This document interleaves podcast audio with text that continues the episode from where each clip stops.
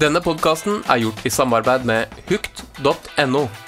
Bli medlem av Hukt pluss. Da får du hundrevis av reportasjer, artikler og intervjuer, samt rabatter og fordeler. Dette er en podkast ifra Fisk og Preik. Se der, det vaker masse. Vakne fisker, i hvert fall to-tre Det stykker. er, det er noe annet enn i Norge. ikke sant? Her er en liten fisk. Det er en fisk under to kilo. Det var mer gress enn vann. Fjerde gang han tok, så satt han på i to sekunder. Slettvar, piggvar, trepigget stingsild, uer, hårskjæring, makrell, tunge, ulke og småflekket rødhai er bare et bitte lite utvalg av artene som svømmer langs Norges kyst. Det er tusenvis av fiskeslag under overflaten, og ja, noen har til og med vinger.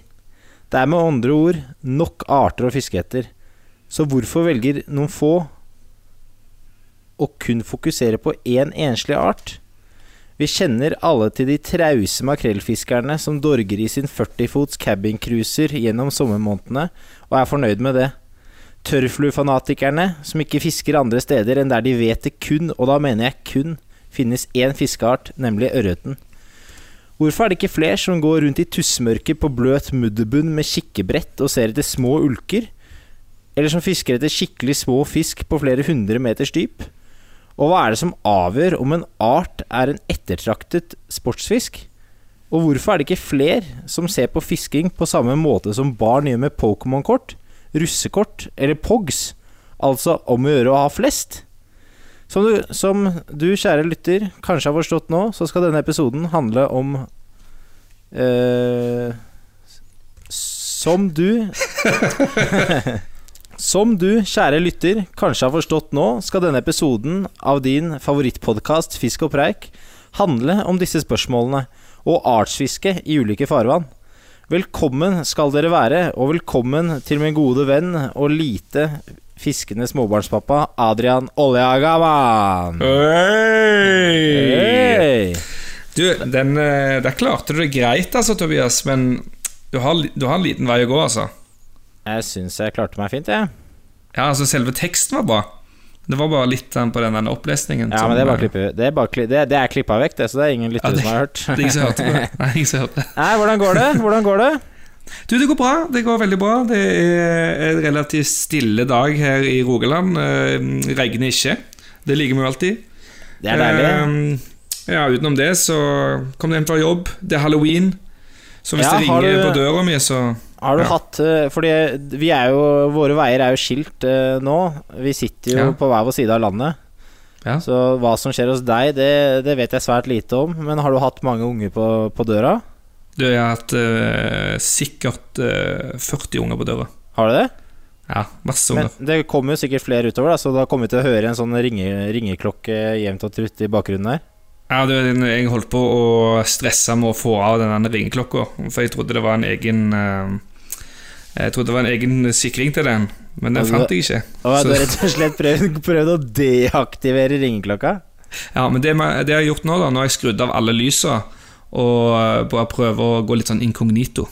Ja, det er ingen dum idé, tror jeg. Uh, Nei, så det kan være fare for at huset blir egga, altså. Egga, ja. ja er det, Ja, altså, driver man med sånt i, det er sånn man driver med i, i Rogaland, det. Ja, Ja. i vegg. ja, nei, jeg sitter oppe på fjellet på Lillehammer, knerta meg litt av bayer og sitter og koser meg. Ja, du podder jo alltid best med en liten bayer innabords. Det stemmer. Og her er det det som er så fint her, er at eh, jeg har verken ringeklokke eller eh, noen naboer, så mm, jeg trenger ikke å bekymre meg over de eh, tiggende ungene. Det er jo helt fantastisk. Har du gjort noe gøy siden sist, da? Vi har jo, som, som dere lyttere kanskje hører nå, så, så er jo ikke redaksjonssjefen eh, selv her, Lasse. Han er um, Han har bare, Er gitt opp. Han har bare gitt opp. Er det er det det han er? Er ikke det? Konsert? Er, Er ikke det jobb, da? Jo, det er, det er mulig han hadde noe sånn spillejobbgreier. Jeg tror det. Så vi får dra, vi får dra lasset. Og Ja. jeg tror vi skal komme oss uh, greit gjennom uten han.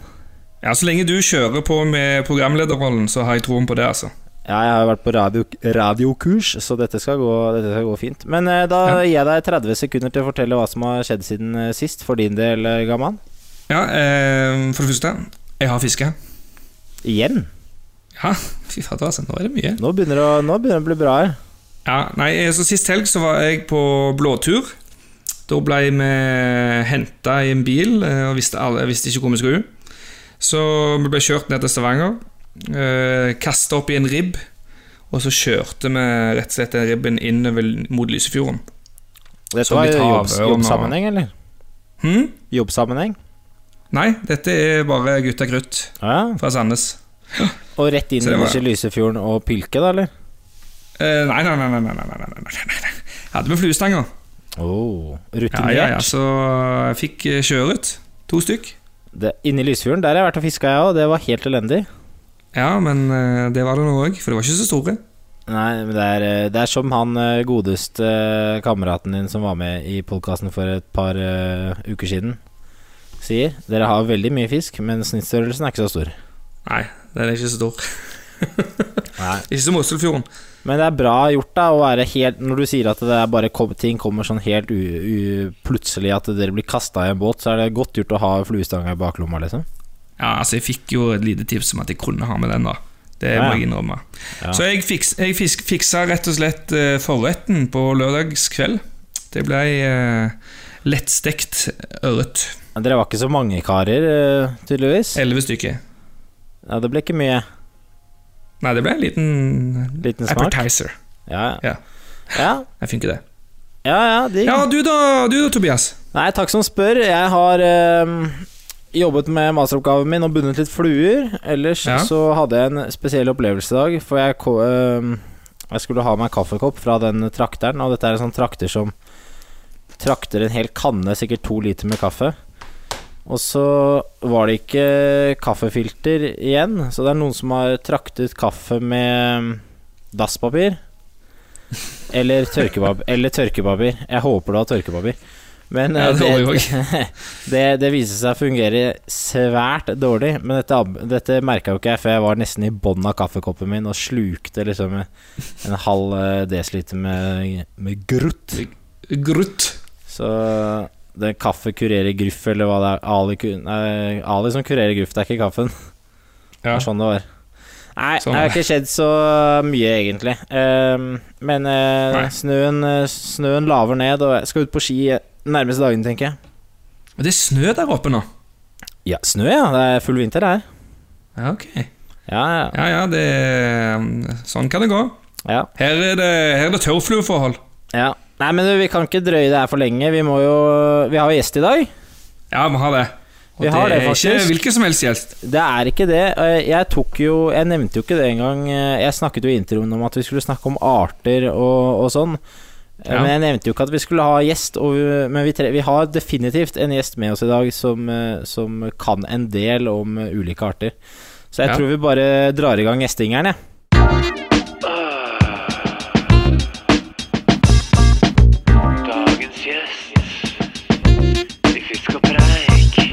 Ja, ja, ja, ja. Velkommen, Asgeir. Velkommen, Asgeir Alvestad, selveste artskongen. Ja, takk for det. takk for det God kveld. Moro at du kunne ta turen til eh, Adrians lille studio borte i Sandnes. Ja, veldig koselig. Veldig koselig. Fordi du er jo, så vidt uh, meg bekjent, uh, ikke basert i Sandnes.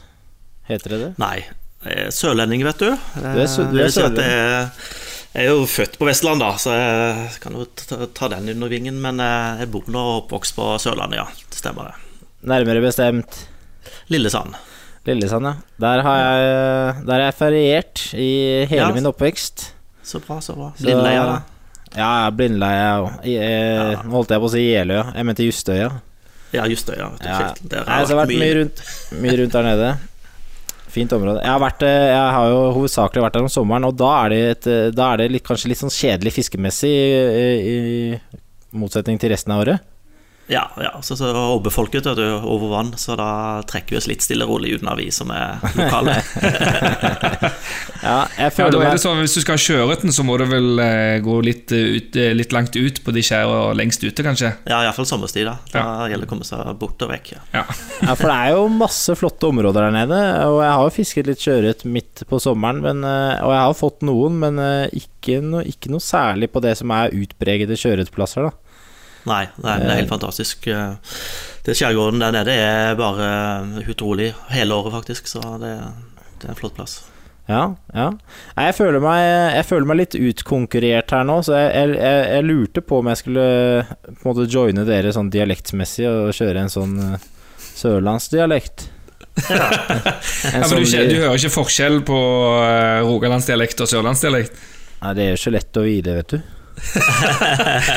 Nå tar du litt mer sånn uh, Mandal-Kristiansand, du, så det er sånn midt imellom, cirka. Så det er helt perfekt. Ja, men jeg, jeg har jo en kompis fra I Iveland, og de snakker jo så himla seint. Det kommer jo Nei, nei jeg, jeg dropper den. Det, da kommer vi aldri i mål.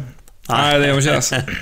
Nei, men uh, Asgeir, du er jo en, en kjent profil innen miljøet, og kanskje mest av alt innen artsfiskemiljøet, for du, du fisker jo etter alt mulig rart.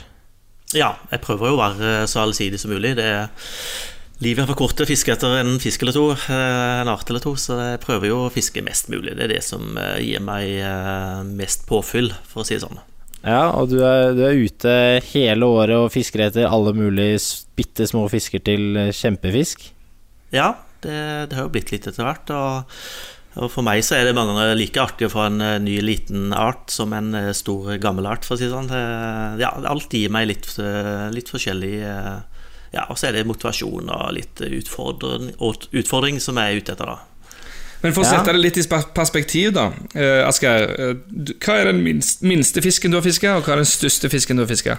Minste er vel en sånn eh, krystallkutling. Det var den første i Norge som fikk den, og den eh, veide langt, langt under et gram. Eh, den største er da veldig mye større. Den er en håkjerring på 1,1 tonn. Så den ene fisken er over en million ganger eh, mindre enn den andre, for å si sånn. Så det, og det viser jo litt om hva, som vi kan, hva Norge har å by på, egentlig. da Ja, ja. Ja, det er, eh, altså, det er imponerende, ass. En, Ja. Vi tar en liten applaus for den, gjør vi ikke det, Adrian? Det er ikke verst, altså. Det er ikke verst. Ett tonn, det er kult da når du er liksom i baren og damene kommer og Ja, hva er det største Ja, du fisker du, ja, og det er kjedelig, altså. Hva er, det største du har fått, da? Nei, jeg bare et eh, bikk jeg, jeg bikka tonn en gang. jeg bikka Ja, det er jo sånn tonn. det, det er alltid det første alle spør når du fisker, da, hvor stor fisk har du fått, liksom. Så det er litt, eh, litt gøyere å bli spurt nå enn for ti, ti år siden, for å si det sånn. Men den på 1,1 tonn er jo den faktisk den nest største fisken som er tatt i verden noensinne. Det er, Det er kun ganske- slått av en uh, hvithai fra 1959 uh, fra Australia, som var 1,2. Det er ganske sjukt. Ja, så det Men det er, det er med stang, altså. det er på stang, ja. Ja. Stang og stelle fra 700 meter, og det er jo ditt område, Adrian. Ja, det er rett opp her. I Nestrandsfjorden her. Så. Ja, Og den fisken var rundt 400 år gammel, så det er også litt eh, verdens lengstlevende dyr. Så det er Oi. synes det er helt Oi, sykt oi, å tenke på. Hvordan, eh, hvordan kan du aldersbestemme eh, noe sånt uten å sånn, ta livet av den? Det er gjort litt forskning på det fra Svalbard, hvor de har fanga en del. Og, tatt, og på de haiene så er det kun øyevæsken du kan måle livstiden på. Og hvor lenge den har levd. Øyevæske, faktisk. Øyevæske, ja. ja. Øyevæske. Så den, eh, De målte oppover 3,5 meter, den var 300 år gammel. Så det, det er bare en anslag, anslag på, ah, ja. på den. Anslagsvis 400 ja for du, år den, gammel. den uh, vekta er jo òg anslagsvis, for du regner ikke med du fikk den opp og Nei, den er veid, eller målt ut fra en skala. da Den var 4,5 meter lang og 2,66 meter rundt magen. Så da har du en skala du regner ut. da mm. Det er Men eh, det er altså ett tonn opp fra 700 meter, det, det må jo ta flere dager. Jeg tar ikke det, altså. Jeg brukte et par timer, da. Men jeg brukte nå fem døgn på å få den til å bite, da. Så det, det, det er det som er problemet, da. Det er jo en fisk som er vanskelig å, å finne, da, eh, her nede. Men, eh, men det, er, det er jo rå makt i to timer, det er det jo. Men eh, Ja. en fisk i Det som ingen tenker på, det er at en fisk eh, veier ingenting i vannet. Alle fisk veier ingenting, for å si det sånn, for de er likevekt omtrent. Så, så en fisk som veier eh, 100 kilo eller 2 kilo, de er ganske like vektige i vannet. Så, så det handler egentlig om å bare få pusha de rette veien. Så det handler om, rett og slett kraften den kan gi. Da, på en måte. Det, er det, Ja. som er, det er derfor du må ha en sterk for, eh, fortom, da, for Riktig, eksempel. riktig. Og håkjerring er ikke for å skryte på seg den sterkeste fisken i havet, men eh, Nei. så lenge du får gitt den eh, trøkt de første 20 minuttene, så begynner han å finne ut at det her er lurest å følge med. Ja, men altså, det er ikke Og det er ikke svenskepilken som henger i andre enden av snøret der? Nei, der har vi eh, ja, et agn på en to-tre-fire kilo i, på hver krok. Da. To kroker, og så agner vi med alt fra oppdrettslaks til gammel halvråtten lyre. Da. Det er jo en fisk som da lukter seg frem til agnet. Ja, riktig. eh, Jeg har, hørt, til og med, så. jeg har hørt at man liksom kan eh, At folk også har brukt liksom døde dyr, rådyr, halvt rådyr og sånn. Ja, riktig, for den, det er notseleter veldig mye, da. Den sluker og spiser eh, andre fisk, men han, han tar også åtsler av hval, og de har funnet isbjørn i magen på den, og, og sovende sel har den tatt, og til og med elg har de funnet i magen på sånne fisk, så de spiser det som kommer, det. Så her gjelder å sette ned et agn, eh, og så sitte og vente i en stol til den biter, da. Ja, så den det filmen, er, eh, eh, ja, filmen ligger på YouTube, for å si sånn, så går an å se den der. Du, den, det- den filmen linker vi til på vår Facebook-side, rett og slett. Ja det, skal jeg, det skal jeg faktisk uh, gjøre. Linke til den. Ja. Ja. Men, uh, men du Asgeir, du har jo flere norgesrekorder, har du ikke det? Jo, det stemmer. Det er jo sånn Når du begynner å jakte de her artene, så er det jo mange som ikke fanger så mange ganger, så det er jo forholdsvis lett å få en norgesrekord hvis du for eksempel er førstemann som får en art. så er det ja, jo automatisk norgesrekord, men etter hvert så, så er det jo en ordentlig gjeng her, så vi, vi begynner å konkurrere. Det begynner å bli litt høy, eh, høye norgesrekorder på de fleste artene, faktisk. Ja, det begynner å Ja, litt konkurranse. Ja, jeg har åtte-ti arter kanskje som har norgesrekord. Men da. Ja, ja, ja. Men eh, hvis man skulle Hvis noen av lytterne nå har veldig lyst til Ok, jeg skal ha meg en eh, norgesrekord. Hvilken art da skal man satse på? Ja, eh, et godt tips er å gå opp til Mjøsa. Det skal jeg neste helg, faktisk. Da skal vi opp og fiske i Mjøsa. eh, På en art som ingen har fått på stang før. Det er en som heter hornulke. Den lever på 400 meters dyp Ja, i Mjøsa. Så, så får du den, så har du norgesrekord. Men det Hvor stor er den? Den er mellom 10 og 15 cm. Ja, sant. Så du du, i- og jeg trodde du skulle si kilo, men Langt ifra. Nei, da, den er, du må ned i krok nummer 14 og 16 på 400 meter. Så det, det er det som er problemet i kveld. Det, Ja. det er presentert et agn den her. Det, det, det, det krever sin mann, for å si det sånn. Ja, det tror jeg. Og- Men, men har du, agner du med noe, da? eller? Ja, du agner, ja. Med, det er maggot og markbiter og sånn du må ut med. Altså. Men er det sånn, hvis du får napp der nede, så er det nesten garantert den? ja, det er det, altså. Det er ikke så mye Ja. annen fisk der nede. Nei. Men eh. Ja. hvordan skal du merke om det napper der nede, da? Nei, vi har eh, gode følsomme stenger, da. Myke stenger og tynn, tynn line. Så, så det, du merker at det er noe på, faktisk, på selv sånn dypt, da. Ja, For du må jo ha ganske tungt lodd, ikke sant? Så, Ja, det, men du går veldig lett ned i utstyret, så du klarer det kanskje med 100 gram da, på loddet. Ok. Ja. Så da merker du at det henger noe på hvis du løfter litt forsiktig. da så, Altså, Det er fin, fin fiske, da. Det, det svømmer liksom svære ørret på opptil sikkert en eh, 12-13-15 kilo rundt der, og, men du skal fiske Mm. hornulke på 400 meter. Riktig, riktig, ja. Den ørreten er ikke interessant, for å si sånn. Jeg skulle bytta ut 100 av de ørretene mot én sånn en, ja. Men vil du si at det er den eh, letteste norgesrekorden akkurat nå? Nei, det er det ikke. Det, det er jo en del arter som ikke fanger så ofte og så mye. Eh, Jeg har fanga 135 forskjellige arter i Norge, og det er jo en del av de som ikke fanger så veldig mye. Ja. Eh, Så har det med årstid å gjøre i kveld. Nå er det jo kaldtvannstid, så nå begynner en del arter å komme inn eh, grunt. Så ja, fra i havet, ja. ja, i havet, ja. Så um, det er mange sånne eh, strandtangbosme, noen tangbrosmer og ulker og sånn som ikke fanger så veldig mye av, da. Så går det an å få noen rekorder på. Og Da er det sånn nattfiske, da? eller? Nattfiske, ja. Ja. Så går du inn på noe som heter artsfiske.com, så finner du egentlig alle arter og alle rekorder og hvor mange som er fanga av hver eneste art og sånn, og det er en fin, fin plass å starte. Artsfiske.com. Ja. Ja, Det er en eh, portal for oss eh, nerdeartsfiskere. Ja, ja. For du kan lage din egen eh, lille artsliste, og så kan du sammenligne med andre som er inne, og så får du da Ja, du kan eh, legge det opp en ranking, da, vet du. ja morsomt. Uh, Ja. Du var jo nydelig på TV i forbindelse med programmet på NRK som heter 'Hvorfor biter fisken'. Ja, stemmer. Og da, da tror jeg det var mange som lurte på hva du dreiv med når du gikk rundt med det der kikkebrettet ditt Ja, på kvelden. Kan ja du fortelle For det, Ja, det- det så jo litt ut Det så ut som en litt kul type Eller kul måte å, å fiske på.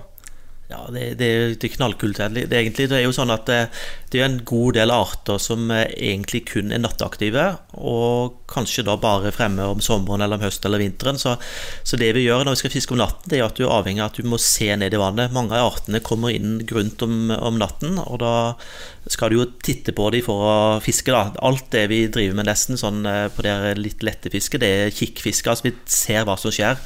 Og for å kunne se gjennom eh, vannet, eh, så må du ha en blank overflate. Og det er jo ikke så veldig ofte vindstille. Selv på Sørlandet så er det ofte en bris eh, selv på nattestid. Og da kan vi bruke en teknikk. altså Den gamle vannkikkerten har vi da modernisert. altså Det er et vindu som vi legger på vannflaten for å kunne se gjennom vinduet med lys. Og Når du legger et vindu på vannet, så får du den vannkikkerteffekten. Da kan du se rett ned, akkurat som inn i et akvarium. Og når du da tar på vader og så går rundt på sandstrendene, så, så ser du egentlig alt som fins foran deg på sånn, alt fra kutlinger til, til store piggvar. Og det er jo Ja. sånn at eh, veldig mange fisker de stoler på kamuflasjen sin. Så når du går litt forsiktig der om nattestid, så ligger de foran deg, og da er det bare presentert agn. Ja, da, og da kan du velge Da velger du, så lenge fisken blir der hvor eh, Altså blir under lyset, så kan du velge på en måte hva du skal fiske på også, da. Ja, riktig, riktig. Ja. Da, du ser jo hvilken art det er, og du er ute etter spesielle arter, kanskje. da. Ja. Men så, altså. jeg ble litt tent på den ideen der i, når, når, når du kom over et par sånne piggvar, for de kan jo bli ganske svære. ja, riktig. riktig. Piggvaren kan bli oppi 8-10 kilo, og, og de kan du se på en halv meter vann eh, nå på den åstiden her. De trekker inn eh, når det blir eh, litt sånn kjølig på høsten, og litt om våren, så jeg trekker de inn på gruntvann. Og da er det liksom mudderbunn eller sandbunn og Fin sand er det beste. fin sand. Det er sånn vi lærer oss etter hvert. Ja. Mm. Ja, Det er jo helt sykt å få en eh, seks kilos eh, piggvar eh, på en liter sånn For du må jo ha ganske sånn korte stenger. Nesten Ja, sånn, ja, sånn ah, ispilkesteng. Riktig, vi rigger gjerne med fire-fem stenger da, med litt forskjellig agn på, fra de minste kutlingene på krok nummer 20 til eh, kanskje en liten trebbel på krok nummer 6 da, med en liten brisling på eller et eller annet. Så, sånn vi har alt klart, da. Ja, blir du liksom litt nervøs, kanskje, hvis du på en måte Å, shit, der er det en fisk jeg aldri har fått før. Så blir du bare sånn Å, eh, jeg må finne den rette stanga, liksom. Eller er det Ja, liksom at du prøver å holde deg kul, liksom? Nei, men det er jo sånn, Hvis det kommer en yacht, så er jo i hvert fall for meg som har såpass mange, så er det jo en sensasjon nesten. Og da, Ja, da blir du litt uh, trigga av det, ja. Og litt fiskeskjelven. Ja, Men det er jo det som, det- det, som, det som gjør det gøy, da. ja sant. Har det skjedd noen gang? At du kommer, ser inn en fisk i kikkebrettet som, bare, som du ikke har, eh, har eh, fått før, og så, og så får du den ikke? Eh, Ja, selvfølgelig. Ja da. Eh, Vi har noe som heter panserulke, som er en veldig sjelden ulke som kommer inn vinterstid. Og den eh, brukte jeg to-tre kvelder på første kvelden, så må jeg innrømme at jeg mista litt hodet og, og ble med den utover i en eh, kamps... eh, si at jeg, si at jeg prøvde å få tak i den, og den pilte utover, pilte utover til eh, vannet var i, eh, i, i skulderhøyde. så det, var, det ble kaldt. Men det er klart, det, det Og ja. panserulka tok knekken på deg den første kvelden. Ja, det, tok hun til slutt, vet du.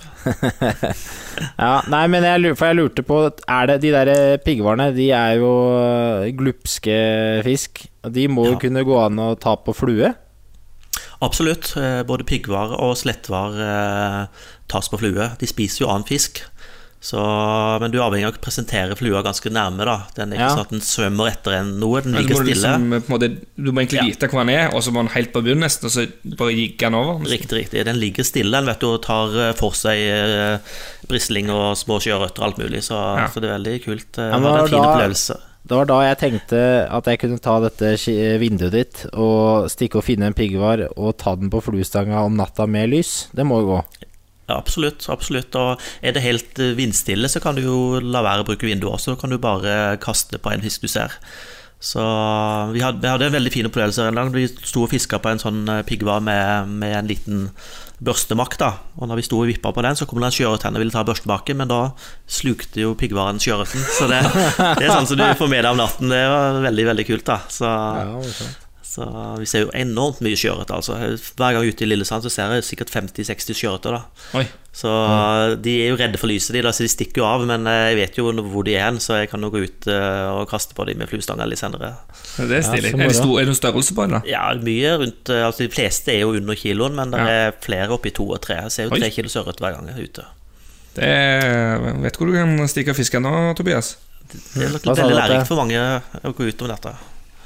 Ja, jeg, jeg, jeg, for, jeg, for litt siden så gikk jeg litt i dybden på det greiene her, fordi jeg tenkte det her ser dødskult ut, og hvis det er mulig å gå sånn om natta på grunne sånne mudder og sandstrender og, og spotte fisk øh, med hodelykt, så høres jo det dødskult ut. Så jeg sjekket, øh, sjekket øh, piggvarerekorden på flue, og den er tatt på Jeløya, faktisk. Oi, hvor sto den? Nei, den var flere kilo. Det var sånn at jeg tenkte nei, det der eh, kom jeg Det der var mye, syns jeg. Men eh, Men det er kanskje verdt et forsøk. Det, det høres jo litt morsomt ut. Ja, det, jeg tror det er helt klart verdt et forsøk. Jeg. Altså, hvis Altså, eh, man kan få da- til da- seks eller åtte kilo, er det du sa? Ja, ja. Rekorden tar du ut norgesrekord, men det er jo en egen fluerekordliste, da. Så det Ja, ja. det er jo absolutt Ja da. Det meste er innenfor rekkevidde der. Altså Det hadde jo vært dødskult å stikke ut med alle Altså et sånn ordentlig rigg, da sånn som du, Asgeir, eh, går med, med masse forskjellige stenger og agn og sånn, men eh, det har jeg jo ikke. Og jeg tror eh, Når jeg er bosatt i Lillehammer, så tror jeg ikke jeg kommer til å investere i, i det heller, for å ta en og annen sånn eh, Sånn men det er nok faktisk billigere alt utstyret der enn én fluestang. Ja, nå fikk du meg til å tenke igjen. Kanskje jeg skal selge en stang. Ja, altså Du har jo blitt inspirert av eh, gjester før, du, Tobias. For du har jo vært og prøvd deg etter karpa etter vi hadde besøk av eh, OP. Jeg har vært på karpefiske og gjeddefiske og Ja, Ja, det, er, jeg, det, ikke, det er ikke så mye som skal til. Det er ikke så mye som skal til. Eh, Men alt har vært med flua, da. Hæ? Alt har vært med flua. Ja, det har faktisk det. Det er det. det, er det. Ja. Nei, vi må snart fise videre, men eh, jeg lurte på, Asgeir, kan du fortelle om din særeste fiskeopplevelse? Har du noe som bare er et eller annet som er litt sånn annerledes? Annerledes. Et eller annet skikkelig sånn sært? Sært, ja. Nei, jeg vet ikke, det er jo så mye rart å holde på med, men eh, vi hadde en liten artig episode utenfor Feie en gang. Det var liksom den steinbiten var på topp der borte, så lå vi ute og fiska. Da var det en, eh, en ganske ung gutt, var 17 år, som hadde fått sitt nytt eh, første fiskeutstyr, eller havfiskeutstyr.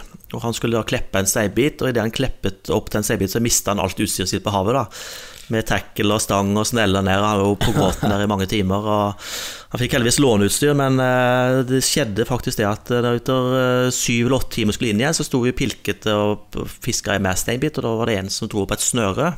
Og på enden av det snøret så hang det en stang og en snelle. Og så fikk han jaggu meg det til utstyret tilbake igjen, og det var midt i havet ute, i, uh, ute på Bergen der. altså og det, når han guttungen begynte å sveive inn igjen, så hang det en steinbit på 8,5 kilo på enden av det snøret. Nei, det som nei, på nei, bunnen nei. etter åtte timer.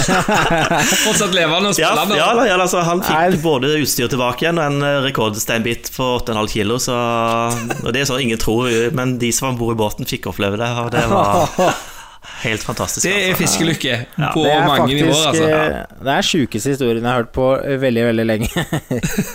Og det er sann, det står i boka mi òg, så den, er- den er sann. Mm. Ja, fy fader. Nei, det var bra, det var bra. Skal vi fise videre til eh, lytterspørsmål? Ja, eller faktaspalte. Nei, vet du hva. Vi tar uh, Tobias' en faktaspalte først, vi. Det, det høres uh, helt uh, magisk ut. Smell i gang en ingel, da. Yes. Hei, gutter. Visste du at fisk primært er vannlevende virveldyr med gjeller og finner i stedet for ben? Ja, det var for eksempel gruppene bruskfisker, kvastfinnefisker, lungefisker, njøyer, slimåler og strålefinnede fisker. Ja, morsomt, ikke sant?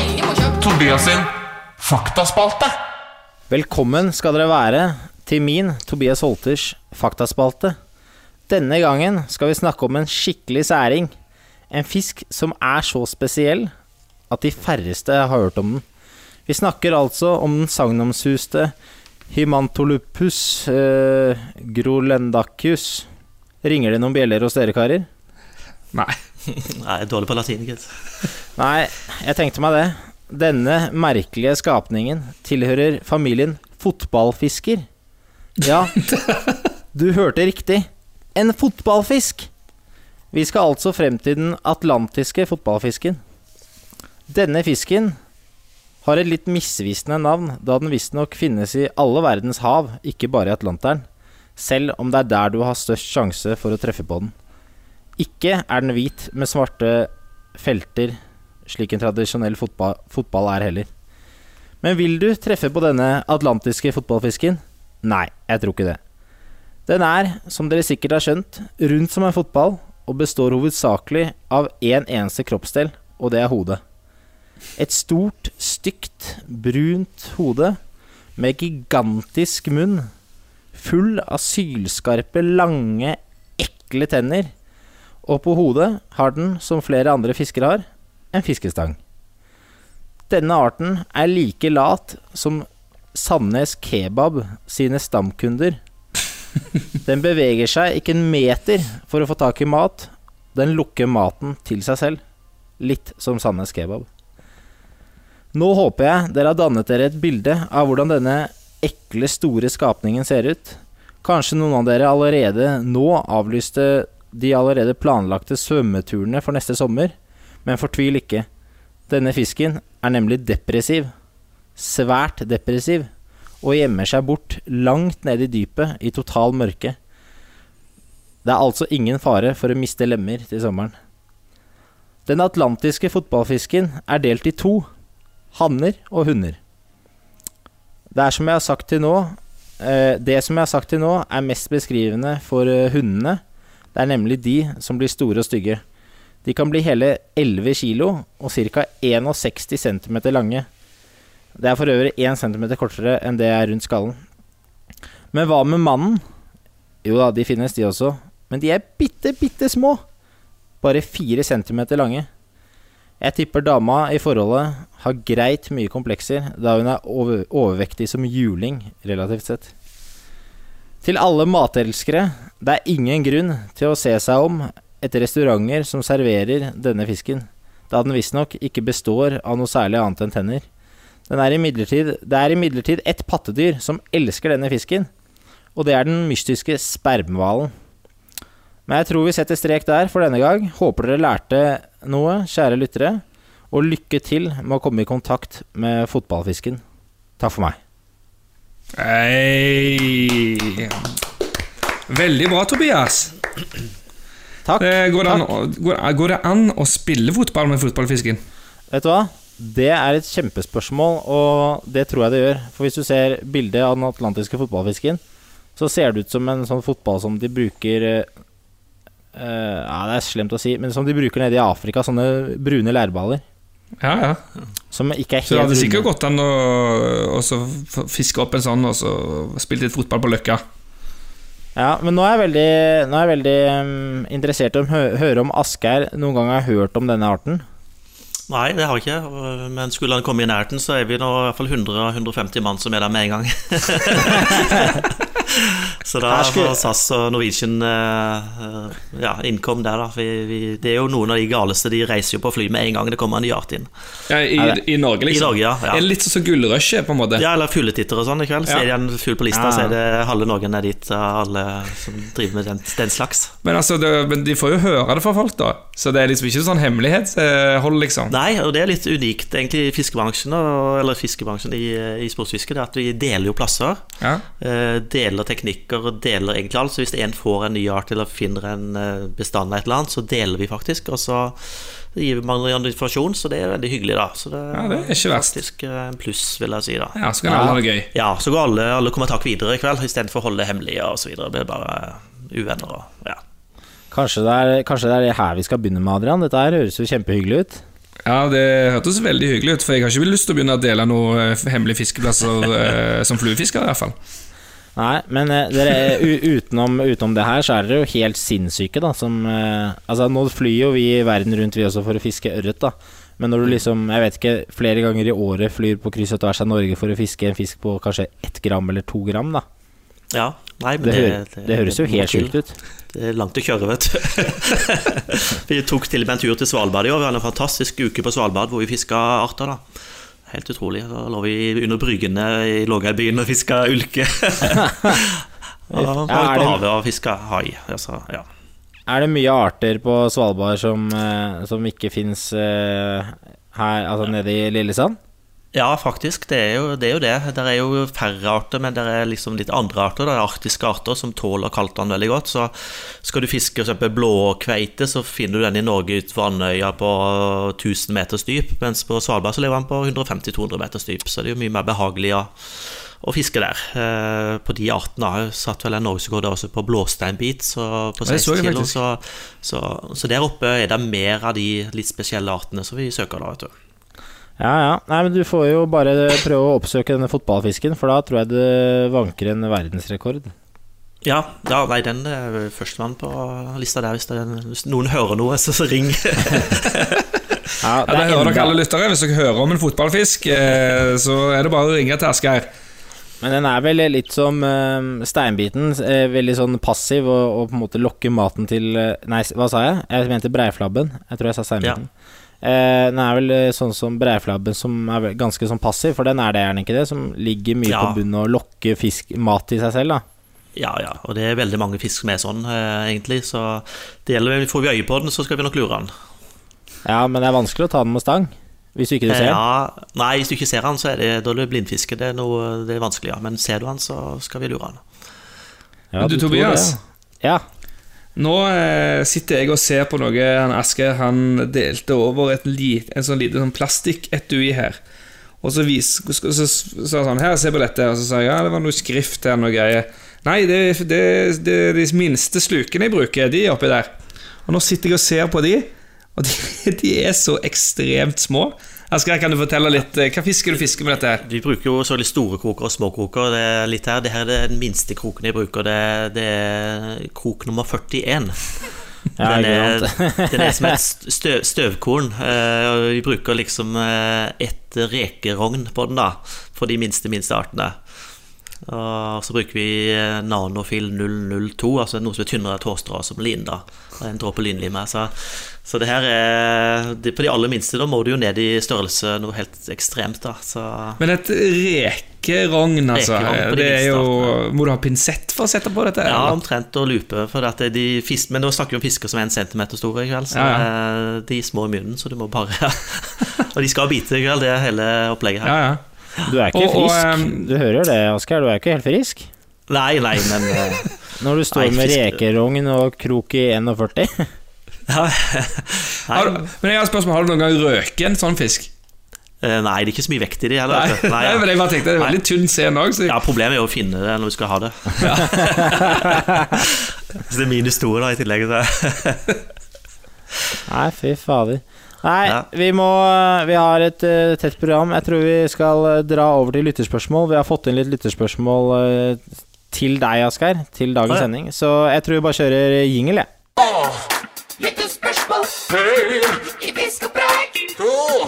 Litt spørsmål, oh yeah. Ja, det er lytterspørsmål. spørsmål, hei, i fisk og preik. Ja da, det er litt spørsmål, oh, i fisk og preik. Litt spørsmål i fisk og preik. Ja, ja, da er vi tilbake. Hva fin eh, jingle. Hva syns du om jingelen, Asgeir? Jo, eh, noe best jeg har hørt noen gang. Ja Alle sier det. At ikke han, eh, at ikke han Lasse er verdensstjerne, det, det fatter ikke jeg. Det er, han som, det er han som lager de.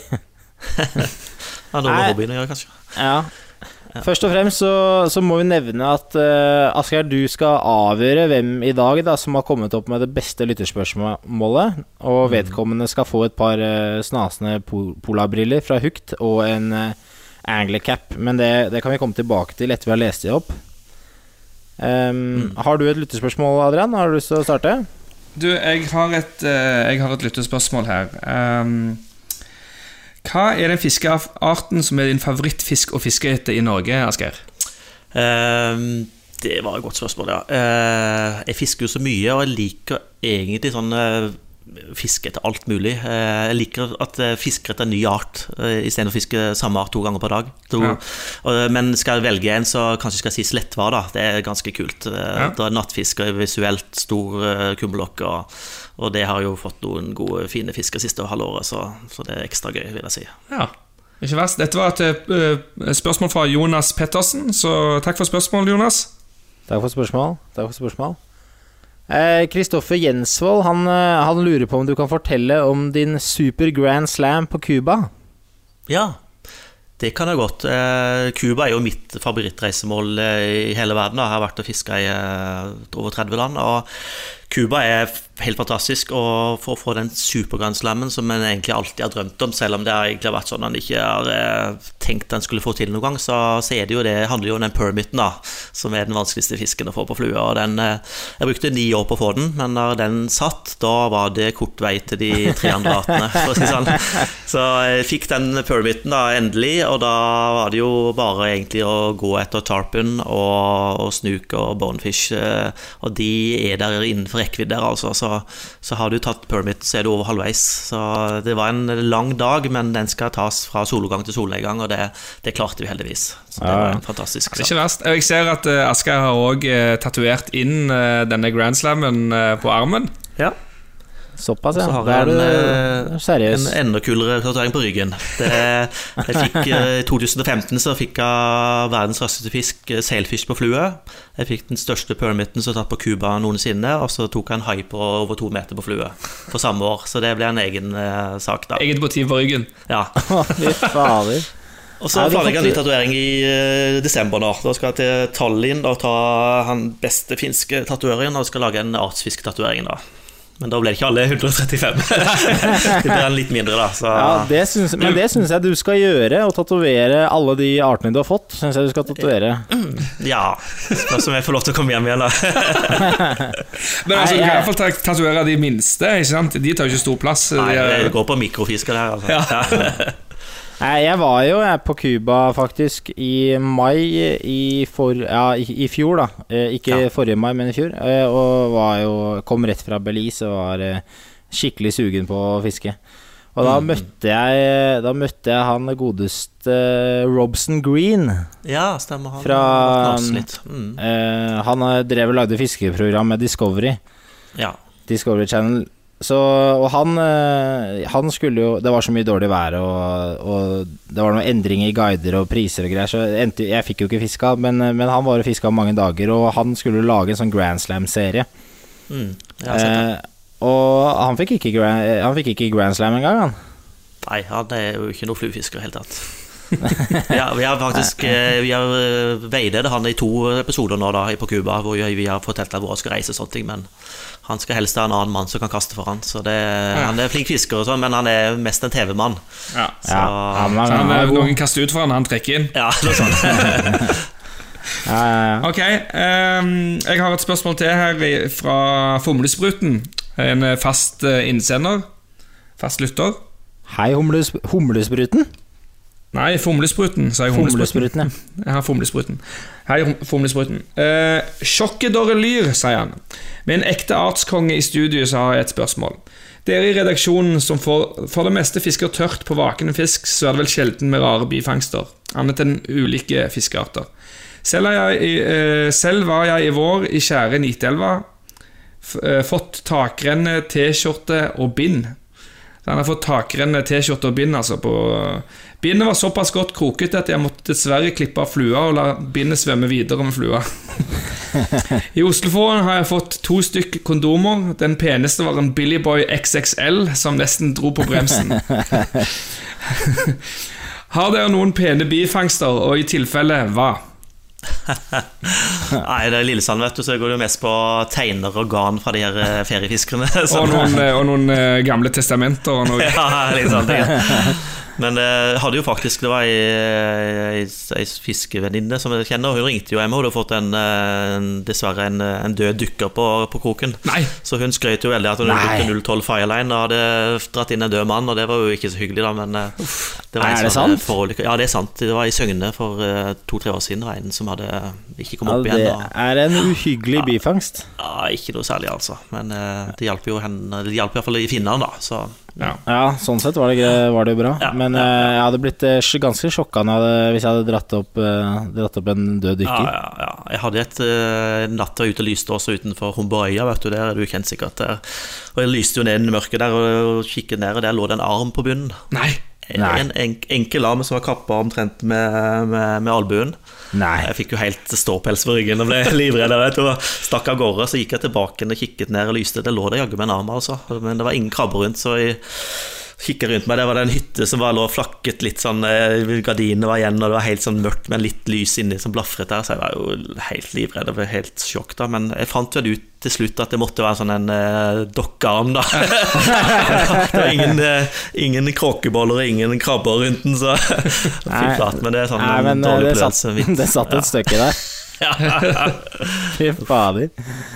Nei, jeg, jeg, jeg som skulle skryte av min, eh, min kanskje beste bifangst, det er en eh, Jeg lurer på om det kanskje er en sånn At den heter vanlig ulke? Er det en art som heter bare sånn vanlig ulke? Ja, det ulke. Mm, riktig. Ja, Som er, hadde veldig sånne tøffe flekker, som hvite med litt sånn Ja. oransje omriss på, ja. Mm. ja, på undersiden. Eh, Den fikk jeg på, nede på Larkollen faktisk for noen år siden. Da Fiska sjøørret med børstemark. Så fisket jeg, da fiska jeg seint nok da når jeg drar den børstemarken så tett på bånn at den ulka kommer. Mm, mm. Men eh, nei, det er min bifangst. Trodde jo det var tang, men eh, ulka, altså. Jeg har fått eh, kråkebolle. Det er den beste bifangsten jeg har fått. Er det den beste bifangsten? Ja. Kråkebolle? ja. Ja, Det er bare én ting å si, Adrian. Du må fiske mer. Kråkebolle det får jeg på hver vår når jeg husker meg børstemark. Ja, ja, sånn er det. Ja, vi får jo ofte sjøkreps og hummer, faktisk. Det får vi flere ganger på stang. Når Oi. vi, uh, Ja, de biter på agnet, ja, de på litt lenge, litt lenge på bunnen, da, så, så Ja. faktisk er det ikke uvanlig. da Og de slipper ikke heller. Nei, de holder helt til de er oppe i båten. Ja, det, du, får det, du får det til å høres så lett ut å få sjøkreps. Jeg, jeg holdt på i en hel sommer, jeg, og jeg fikk siste tegnenatten min. Da, da fiska jeg med teiner. Fiske, siste tegnenatten så var det to sjøkreps eh, oppi. Jeg var, eh, jeg var så glad. Jeg hadde ofra en hel sommer til det der eh, tegnefisket etter sjøkreps. Ja, det er jobb. Ja, det er jobb, altså. Jeg skal, jeg skal bytte ut med stang og agn. Ja, Prøver det. Jeg har et spørsmål til deg, Tobias. Eller har du et til? Nei, du kan ta et til. Jeg har et, eh, har et her etterpå. Ja, ok. Dette er mail fra Andreas Stenstad. Hei, boys. Maken til bra pod. Spørsmål. Takk for det, takk for det. Hvilken norsk sportsfisk er det mest kred å få? Norsk sportsfisk og Kred ja, i artsmiljøet, da, eller sånn generelt? Nei, vi kan begynne, vi kan begynne med artsmiljøet, og så kan vi bevege oss litt sånn generelt. For jeg vil jo tenke sånn generelt Ok, vi tar, nå begynner vi generelt, da. Jeg vil jo tenke at laks kanskje liksom Ja. mm, ligger høyt oppe, da, sånn generelt. Ja, laks og ørret og de vanlige artene folk flest fisker etter, er jo, eh, er jo selvfølgelig. Men eh, Ja, og torsk, kanskje. ja, En stor ikke- torsk, liksom, er jo ganske kred for Ja, en nå stor torsk. snakker dere liksom for, eh, for Olav Nordmann. Olav Ja, nå Nordmann, snakker, nå snakker vi for Olav Nordmann. Ja, Ja. ja, ja, ja. Men for artsfiskeren, da? For artsfiskeren så er det jo alt som er eh, sjeldent mer sjeldent og større det er til verre er det. Det ble jo tatt eh, en svartskate nå i Trondheimsfjorden på nærmere 30 kilo, og det er jo veldig sjelden. betatt én hvert tiende år, kanskje, eller sånn. Oi. Tatt eh, tre-fire på stang kanskje totalt sett i Norge noensinne. Og sånn. Så det er jo veldig kult. Ja, kult. Håkjerring. eh, alt som er dypt og stort og svart, det, det, det, det er positivt. Så, ja. Men eh, jeg er jo sikker på det, hvis du får den hårnulka nå, så henger den høyt, altså, for den er ingen som har fått før. på er. Og jeg ser ferskvannsfisk, og vi har jo mange færre ferskvannsfisker som eh, er mulig å få da en saltvannsfisker. Så Ja, for det var faktisk et av de spørsmålene Nå bare hopper jeg rett et annet fra han Jonas Pettersen. Han hadde to spørsmål, egentlig, eller mange, men han hadde to, et annet spørsmål òg. Og det var hvis du skulle velge mellom kun å få fisk i ferskvann eller i saltvann resten av livet, hva ville du valgt? det er vel ganske enkelt? ikke Ja, det er veldig enkelt. Det, det er saltvann som er, renner i blodårene mine, sånn sett. Da. Selv om jeg har vært mye i ferskvann nå. Jeg er oppvokst i Innlandet delvis. Så, Ja. så, men det er saltvann. Det, er- det er ti ganger mer, og, mer, mer å gjøre, for å si det sånn. mye større utfordringer og mye større Ja. plass å tumle seg på. Så. Ja, jeg. Men uh, Asgeir, har du fått uh, krøkle? Krøkle har jeg fått, ja. Ja, det var jo ikke noe bombe, kanskje. Ja, jeg mangler Men- kun to ferskvannsfisker. Det er Canadarøye. Det fins jo litt vann i Trøndelag, etter Oslo. Ja. Lutvann eller to, kanskje. eh, Og så er det den hårnulken som finnes på 400 meter i Mjøsa. Det er de to jeg mangler i ferskvann. Det er de to du mangler i ferskvann, ja. Ja, ja. ja I saltvann så er det, ikke, det er litt flere som er mulig å få det, da, men det, det er ikke mange Lillesand. Jeg har fått 70 arter innenfor Lillesand. da Oi. Nei, det er, det er Men du har eh, 135, imponerende, var det du sa? 135 i Norge, ja. Ja, i Norge, ja? ja. Ok. Det er det som gjelder, på en måte. Du kan ikke ta. Ja, nei, det blir så enormt, da. Da må du opp i mange, mange mange tusen, da. Da må du ha litt tykkere lommebok enn det her. Ja.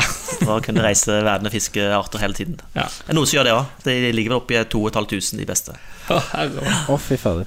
Nei, jeg har et spørsmål her fra Anders eh, Høylund. Eh, det er litt eh, Du får velge hvordan du skal tolke dette spørsmålet, Asgeir. Det er litt spesielt, kanskje.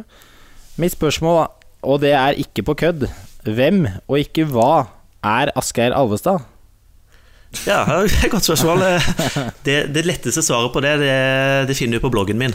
Jeg har vel eh, kanskje iallfall en av de mest leste bloggene i Norge, med ja, jeg har 150 000 innom hver eneste måned og, og treff. da, og der, der står det litt om meg, og det står litt om hva jeg gjør nesten hver eneste dag. Så der ligger det over 1000 innlegg.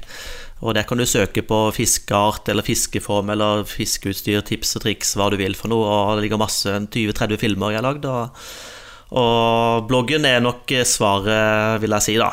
Ja, As ja. Asgeirs fiskeblogg. Det er bare å google. Asgeirs, Ja, google Asgeirs, eh, fiskeblogg. Ja. Ja, dit skal jeg inn med en gang etterpå og dykke ned i artsmekka. Ja, ja. Der kan du bare Det kan du dykke ganske langt. Så, det, jeg gleder meg. Det ligger blant annet de eh, 20 beste artene mine i Norge, eller beste fangstene i Norge, og de 10 beste internasjonalt også ligger av siste, noen av de siste innleggene. Og du legger ut jevnlig sånn turrapporter og sånn, eller er det Ja da, eh, det er iallfall tre-fire innlegg i uka. Så det, det ligger over 1000 Men innlegg du skriver på norsk eller engelsk? på norsk. Ja, Det er 150 000 hits på norsk, altså. Det er bra. 150 000 som er innom hver måned, og så har jeg ja, 110 000 unike treff i, eh, sånn, som følger Ja. meg jevnt. da Ja, stemmer. Ja, Så det er vel fem millioner som har vært innom der nå de siste årene. Så. Oi. Kanskje er artsfiske artig. ikke så ikke er så lite som du tror? Kanskje det er masse folk Nei. som sitter rundt og lurer? Det er nok det, men artsfiske er bare en, en del av det jeg gjør. altså Jeg fisker masse med fluer, reiser mye rundt og har fiske. og Ja, For du jobber jo òg med fiske. her Ja, på seg. jeg jobber i eh, verdens største fiskeutstyrsprodusent, Pure Fishing, og har ansvar for både litt med produkter og selvfølgelig salg og oppfølging i en del Ja. fylker. Så, så jeg har jo mye kunnskap om utstyr òg. Mange, mange lurer på hva det er utstyr, altså utstyr skal bruke, og fordeler og bakdeler med alt. Ja, du må jo få tonnevis med personlige altså mails og meldinger har en på 20-30 meldinger hver dag med, med utstyrsspørsmål og sånt. Så Det er såpass, gjøre der. Ja, og, så det, men det, det er jo bare artig, da. Jeg prøver å hjelpe så godt jeg kan. Og folk flest er jo ute etter informasjon, og det er det mange som ikke har fått med seg. Det er mange som har blogger og sånne ting, men de skjønner jo ikke at eh, det er ingen som gidder å høre på folk skryte om seg selv, eller eh, hvordan siste fisketur var. Iallfall ikke mannfolk. Så det jeg skriver mye om, det er teknikker og utstyr. Og Hvordan man skal få fisk. ja, hvordan man hvordan skal få mer, mer fisk. Ja. Hvordan skal lykkes. Og det, det liker folk å lese om selv om de ikke vil innrømme det. Det er kult. Jeg har et spørsmål til deg, jeg også, Asgeir. Hva er den største gjedda du har fått? Uh, Den er på 9,5 kilo. Da slår jeg deg med et par Ja. kilo. Oi. Så bra. Ja, det er veldig bra. Det er veldig bra. Har du Men noen, er det med, har er det du med flue eller med sluk? Hva sa du? Var det med flue eller sluk? Det var med sluk. Eller ja, det var wobbler, da. Så, Ja. ja. Ja. Syns jeg jeg har fått. Adrian, har du noe større enn en Asgeir? En eller annen Nei, jeg jeg som har, er større enn eh, Asgeir? jeg har fått ei gjedde i hele mitt liv. 1,5 kilo. Ja, ja. Du må fiske mer. Jeg sier det Ja, hele men tiden. Du det, hører jo det, ikke er etter. det er ikke gjedde i Rogaland, vet du, Tobias. Nei, du får komme hit da i Nei, jeg skal komme, hit, jeg skal komme dit eh, i vår. Neste vår. Det er bra. Har du eh, Hvilke, hvilke spørsmål syns du var eh, det beste spørsmålet er, Asgeir? Nei, det var vel kanskje det med dere svarte slettvær, da, kanskje? Den med hvilken art de liker best å fiske, vet jeg ikke. Ja. Ja, det er jo uh, Hvilken sportsfisk som er Ja. mest kredd å få? Ja, det, Ja, det er eller om, det var den med, eller om det var den med særeste bifangst. Ja Nei, det var ikke så gøy. Nei, nei, nei. Nei, Nei, vi tar hvem, var det som, hvem var det som hadde Det er? Andreas eh, Stenstad, så gratulerer, Andreas. Du skal få tilsendt eh, litt stæsj i posten. Så hvis du hører på denne, eller når du hører på denne podkasten, så må du sende inn eh, din adresse. Jo, jeg har en anbefaling. Ha med snickers på tur. Fiskerusletur. Jeg skal anbefale et uh, nytt produkt. Og det eneste gode rådet jeg til der, det er å være sterk i trua. Franske bakvarer. Croissant. Jeg vil faktisk anbefale fisk og preik. Ja, ja, kjære lyttere, velkommen til ukas, eller episodens anbefaling. Eh, allerede i den nye, den nye jingelen her til Lasse, her får dere jo masse anbefalinger allerede. Snickers på tur, fisk og preik, alt mulig rart. Så, men Asgeir, du, du kan få starte. Du skal egentlig bare Du kan få lov til å anbefale hva du vil. Eh, trenger ikke å være fiskerelatert eh, i det hele tatt. Bare et eller annet. Ja, nei, men Da vil jeg jo selvfølgelig anbefale det vannkikkerbrettet. Det åpner en helt ny verden for alle som har lyst til å fiske. Det er en norskprodusert til og med, en som heter Sørtre nede i Søgne som lager. Eh, Et sånn vannkikkebrett må være allemannseie snart. Så det er på ønskelista nå, når det nærmer seg jul? Ja, jeg har tre stykker, men eh, for de fleste andre så burde det være på ønskelista. Ja, så, å ja, for jeg trodde du lagde at dette her var noe man lagde selv når man var superivrig, sånn som deg, men du kan få kjøpt det, altså. Ja, nå kan du få kjøpt det, faktisk. Det er en norsk eh, produsent som har tatt tak i det her, og det, da er det enda bedre, faktisk. For da er det skuddsikkert å lage glass, holdt på å si. Det tåler mye mer og lettere, osv. Hva koster noe sånt, da? 1600-1700 kroner, tror jeg. Ja, det var ikke det, så gærent heller, det. Nei, nei, da er det sånn bilrute i det, og lett aluminium og plastestenger og alt, så Med så det- sånne flottører på sida? Ja, alt med. Alt er med. Så, Lys også? Nei, det må du Hodelykt får du på ja, overalt. Ja, men, jeg, fordi, men du har lys som er montert under vann også, har du ikke det? En lykt som Nei, jeg, jeg bruker hodelykt, da, for det lyser Da følger lyset hodet der jeg skal se, vet du. Så- Ja, det er mye bedre, det. Men du kan sikkert eh, lage, felle inn noen i, i brettet òg, hvis du har lyst til det. Ja, ja. Men det går an å lage selv også, men det, ja, det er ikke verdt det, altså. For det koster såpass lite. Ja, nei, men Det var en knallanbefaling. Den tror jeg jeg skal vurdere å putte på ønskelista selv. Ja. Ja. Ah, Så ligger det film på bloggen min, da, så dere kan se hvordan det brukes. Ja, ja det, må, det må dere lyttere gå inn og sjekke ut hvis dere er interessert i artsfiske. Adrian, har du en anbefaling? Du, Jeg har en anbefaling, og jeg har anbefalt et TV-program før. Eh, Når man fisker lite, så ser man jo på TV eller snutter eller hva som helst for å få den eh, lille inn, inputen man kan få. Og Da anbefaler jeg eh, serien som går på NRK, 'Hvorfor biter fisken'? Hvorfor biter fisken? Ja, hvorfor biter Ja, den hvis, ikke dere, hvis ikke dere lyttere har sett det, så burde dere se det. Fordi det er, ja. det er faktisk et ganske kult program. Og Asgeir, du er jo med i hvert fall. En er det to episoder du er med i? Et par programmer, ja. Og Ja. den er jo ferdig, den serien nå, men den ligger på nett. Så, Den ligger på nett. Så, så den finner du der, og den er verdt å se, ja. Det som, det som var veldig interessant, syns jeg, da, siden jeg er øh, først og fremst fluefisker, det var jo å se på den øh, det, det visste jeg egentlig ikke fra før av, men jeg fisker jo veldig lite her, da. Men det at du kunne stå og sparke i grusen, og så kom harren rett og slett øh, nesten rett ved siden av og spiste, det var veldig interessant. Ja, jeg, det så jeg også, og det så jeg rett før vi skulle på denne hardkonkurransen i forrige uke. Og dette prøvde jeg, men det funket veldig dårlig for meg. Jeg prøvde det òg, funka ikke i det hele tatt. Men jeg tror du må, jeg tror du må stå litt lenger ut i elva, altså. Ja, Jeg vet ikke om det funka eller ikke, men det var ikke sånn at jeg fikk harr på hvert kast. i hvert fall, sånn som, og- Men det som var så kult med, med det programmet også, er at det er veldig mye bra undervannsbilder. Ja, ja veldig, litt veldig, veldig flinke folk i NRK som lager Ja, det er absolutt. Ja, absolutt. Absolutt. Ja, du da, Tobias? Nei, ja, eh, min anbefaling til dere lyttere, det vil være Hvis dere ikke er eh, er det allerede, så vil jeg anbefale dere å åpne øya lite grann og være åpen for å fiske flere arter enn eh, bare én eller to. Jeg fisker selv mest eh, Jeg fisker jo mest ørret, sjøørret og havabbor og sånn, men eh, har de siste årene begynt å, å liksom gå litt etter sånn karpe og gjedde og sånn, og det, det Jeg vet ikke, du må ha en litt annen fremtoning og Det er litt andre teknikker som gjelder, da. Og det, det er morsomt og spennende, og du utvikler deg altså som fisker. Jeg tror jeg òg. Ja, det er helt sikkert. Så man trenger jo ikke å bli så ekstrem som deg med en gang, eh, Asgeir. Nei da, men det, det er alle mulighetene der. Det er jo sånn at du kan du lese masse om ørretfiske, men du kan like, egentlig lære like mye om en kutling i kveld. Så det Ja, finnes ja. enorm eh, informasjon. så, det, så, det er ja, sky the limit, for å si det sånn. Ja.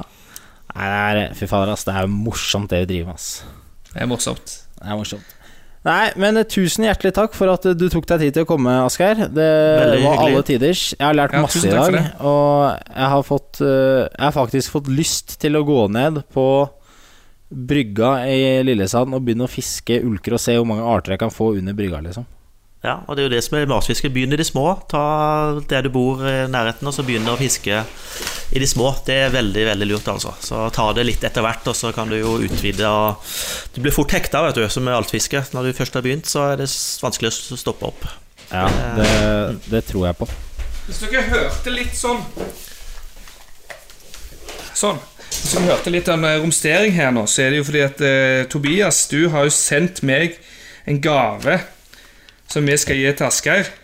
Ja, det stemmer. Hadde en liten eh, Jeg jobbet litt på Angler i, i sommer, og han sjefen der, han skrøt veldig mye av en ny type sluk som hadde kommet inn. Så tenkte jeg den sluken her har Asgeir helt sikkert vært, eh, vært borti før, men kanskje han ikke har vært det. Og hvis han ikke har vært det, så kanskje han er interessert i å teste den ut. Jeg vet ikke. Ja.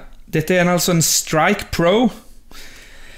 Eh, litt blålig eh, sluk med rød buk. Så eh, vær så god, Asgeir. takk, takk, takk. Den kan brukes, vet du. Ja, ja, ja. Har du, Jeg har du sett, eh, sett sett, jeg har sett typen. Vi har den faktisk i et eh, sortiment, vi òg, faktisk. Sånn, men ikke i Norge, så den er, den er litt spennende. Absolutt. Ja, ja. Fordi den Tusen kan takk. Du, kan du beskrive den for, for lytterne? For den er litt sånn Ja. spesiell festepunkt og sånt. Ja, den, er- den, den ser ut som en, eh, en wobbler, men er egentlig en flat uh, skjesluk uh, med feste i midten oppe, så han uh, vibrerer mer enn en, en flakser, for å si det sånn. Så det, det er jo en, eh, absolutt en sluk for rovfisken. Mm. Ja, morsomt. Ja, du får ta pen, også pen og blå. Ja, ja. Den må jo funke, den der. Ja, ja, ja, absolutt. Nei, kult. Nei, takk igjen, og takk til alle lyttere som har vært med oss i dag. Håper dere også har lært noe om, eh, om artsfiske. Det er i hvert fall jeg. Nå, det er mulig jeg ringer deg neste uke, Asgeir. Jeg er jo i Lillehammer, så mulig jeg kaster Ja, meg med på den båten for å fiske ulker Nei, ulker ned på 400 Ja, meter. ja stemmer. Hornulken. Ja. Ja, det spennende ut. Ja, så er det bare å sende inn flere spørsmål til fiskpreik.gmail.com. Det setter vi veldig stor pris på. Det gjør vi. Skal vi si takk for i dag? Det gjør vi. Takk for i dag. Takk for i dag! Ha det. Ha Har du bidrag eller spørsmål til oss i Fisk og preik, send mail til fiskpreik at gmail.com eller via våre Facebook-sider. Husk også å sjekke ut hukt.no og Hukt pluss.